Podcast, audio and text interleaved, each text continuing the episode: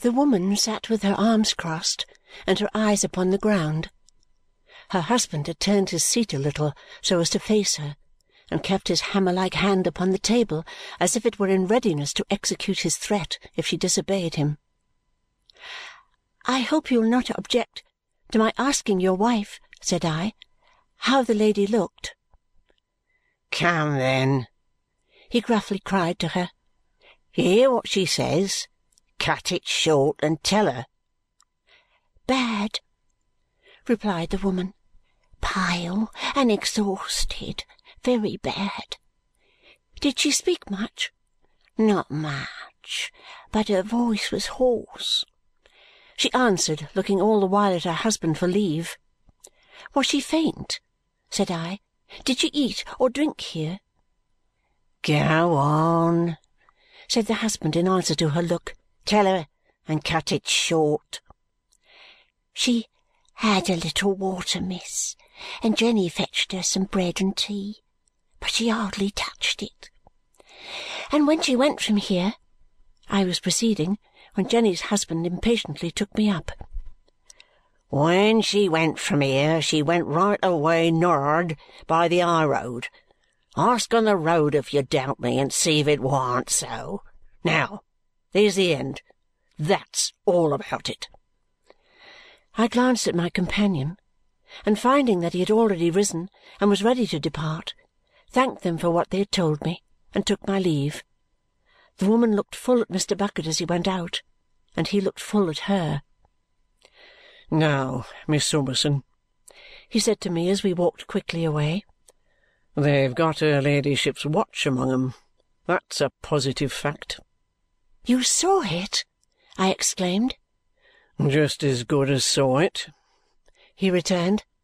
"Else why should he talk about his twenty minutes past and about his having no watch to tell the time by? Twenty minutes! He don't usually cut his time so fine as that. If he comes to half hours, it's as much as he does. Now, you see, either her ladyship gave him that watch or he took it. I think she gave it him. Now, what should she give it him for? What should she give it him for?" He repeated this question to himself several times as we hurried on, appearing to balance between a variety of answers that arose in his mind. "If time could be spared," said Mr. Bucket, "which is the only thing that can't be spared in this case, I might get it out of that woman but it's too doubtful a chance to trust to under present circumstances. They're up to keeping a close eye upon her, and any fool knows that a poor creetur like her, beaten and kicked and scarred and bruised from head to foot, will stand by that husband that ill uses her through thick and thin. There's something kept back. It's a pity but what we had seen the other woman. I regretted it exceedingly for she was very grateful and I felt sure would have resisted no entreaty of mine. "It's possible, Miss Summerson," said Mr. Bucket, pondering on, "that her ladyship sent her up to London with some word for you, and it's possible that her husband got the watch to let her go. It don't come out altogether so plain as to please me, but it's on the cards. Now, I don't take kindly to laying out the money of Sir Leicester Dedlock, Baronet, on these roughs, and I don't see my way to the usefulness of it at present. No. So far our road, Miss Summerson, is for'ard, straight ahead, and keeping everything quiet." We called at home once more that I might send a hasty note to my guardian, and then we hurried back to where we had left the carriage. The horses were brought out as soon as we were seen coming, and we were on the road again in a few minutes. It had set in snowing at daybreak, and it now snowed hard. The air was so thick with the darkness of the day and the density of the fall that we could see but a very little way in any direction. Although it was extremely cold, the snow was but partially frozen, and it churned, with a sound as if it were a beach of small shells, under the hoofs of the horses into mire and water. They sometimes slipped and floundered for a mile together, and we were obliged to come to a standstill to rest them. One horse fell three times in this first stage, and trembled so and was so shaken that the driver had to dismount from his saddle and lead him at last.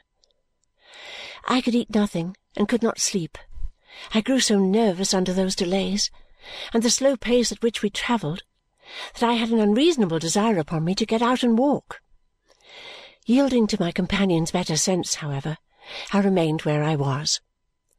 All this time, kept fresh by a certain enjoyment of the work in which he was engaged, he was up and down at every house we came to, addressing people whom he had never beheld before as old acquaintances, running in to warm himself at every fire he saw, talking and drinking and shaking hands at every bar and tap, friendly with every waggoner, wheelwright, blacksmith, and toll-taker, yet never seeming to lose time, and always mounting to the box again with his watchful steady face and his business-like "Get on, my lad!" When we were changing horses the next time, he came from the stable-yard with the wet snow encrusted upon him and dropping off him, plashing and crashing through it to his wet knees as he had been doing frequently since we left St. Albans, and spoke to me at the carriage-side. "Keep up your spirits. It's certainly true that you came on here, Miss Summerson. There's not a doubt of the dress by this time, and the dress has been seen here." "Still on foot?" said I. Still on foot. I think the gentleman you mentioned must be the point she's aiming at.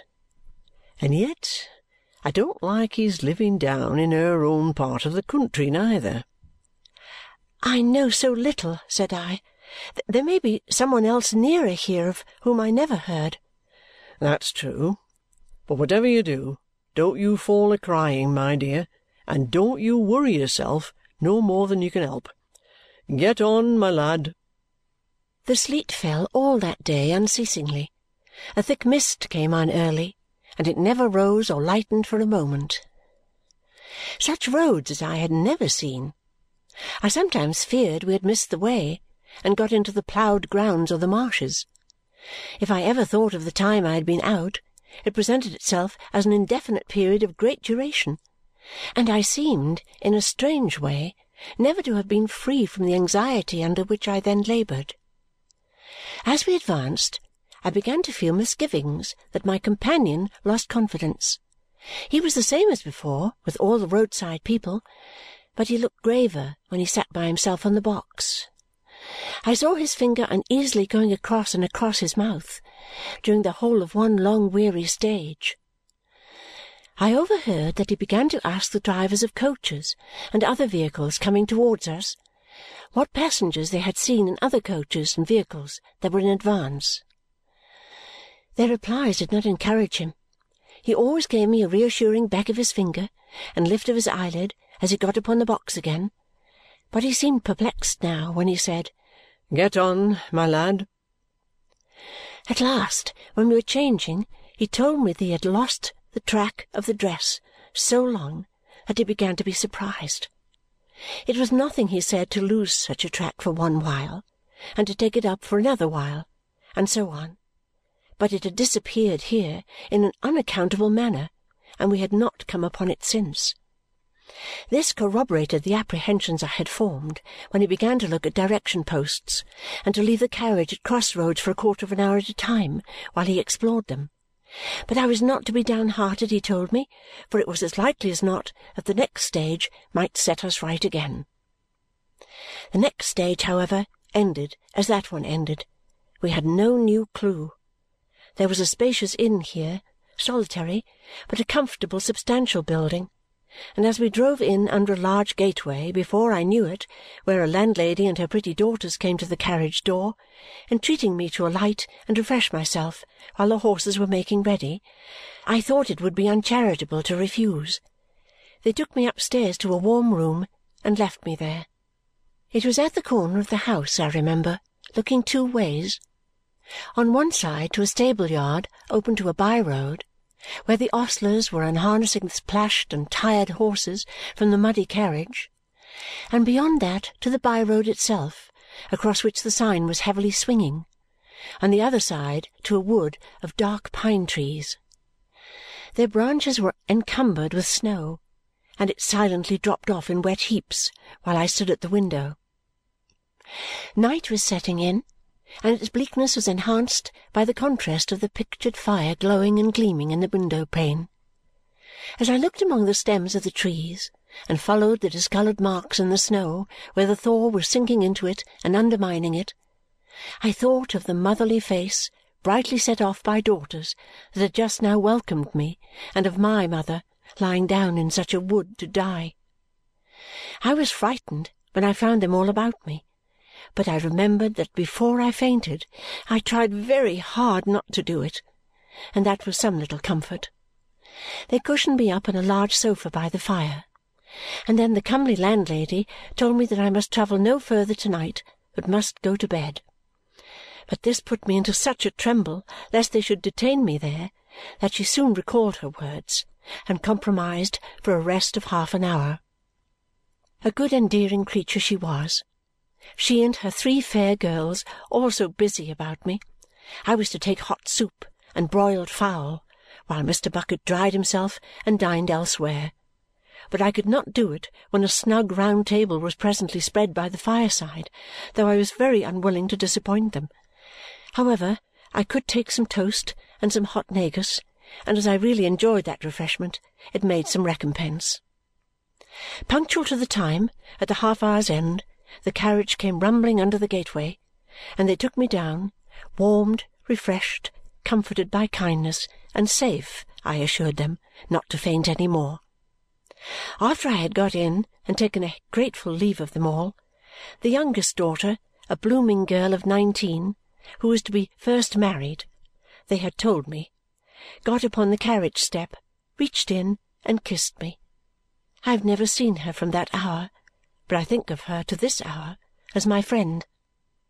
The transparent windows, with the fire and light looking so bright and warm from the cold darkness out of doors, were soon gone, and again we were crushing and churning the loose snow.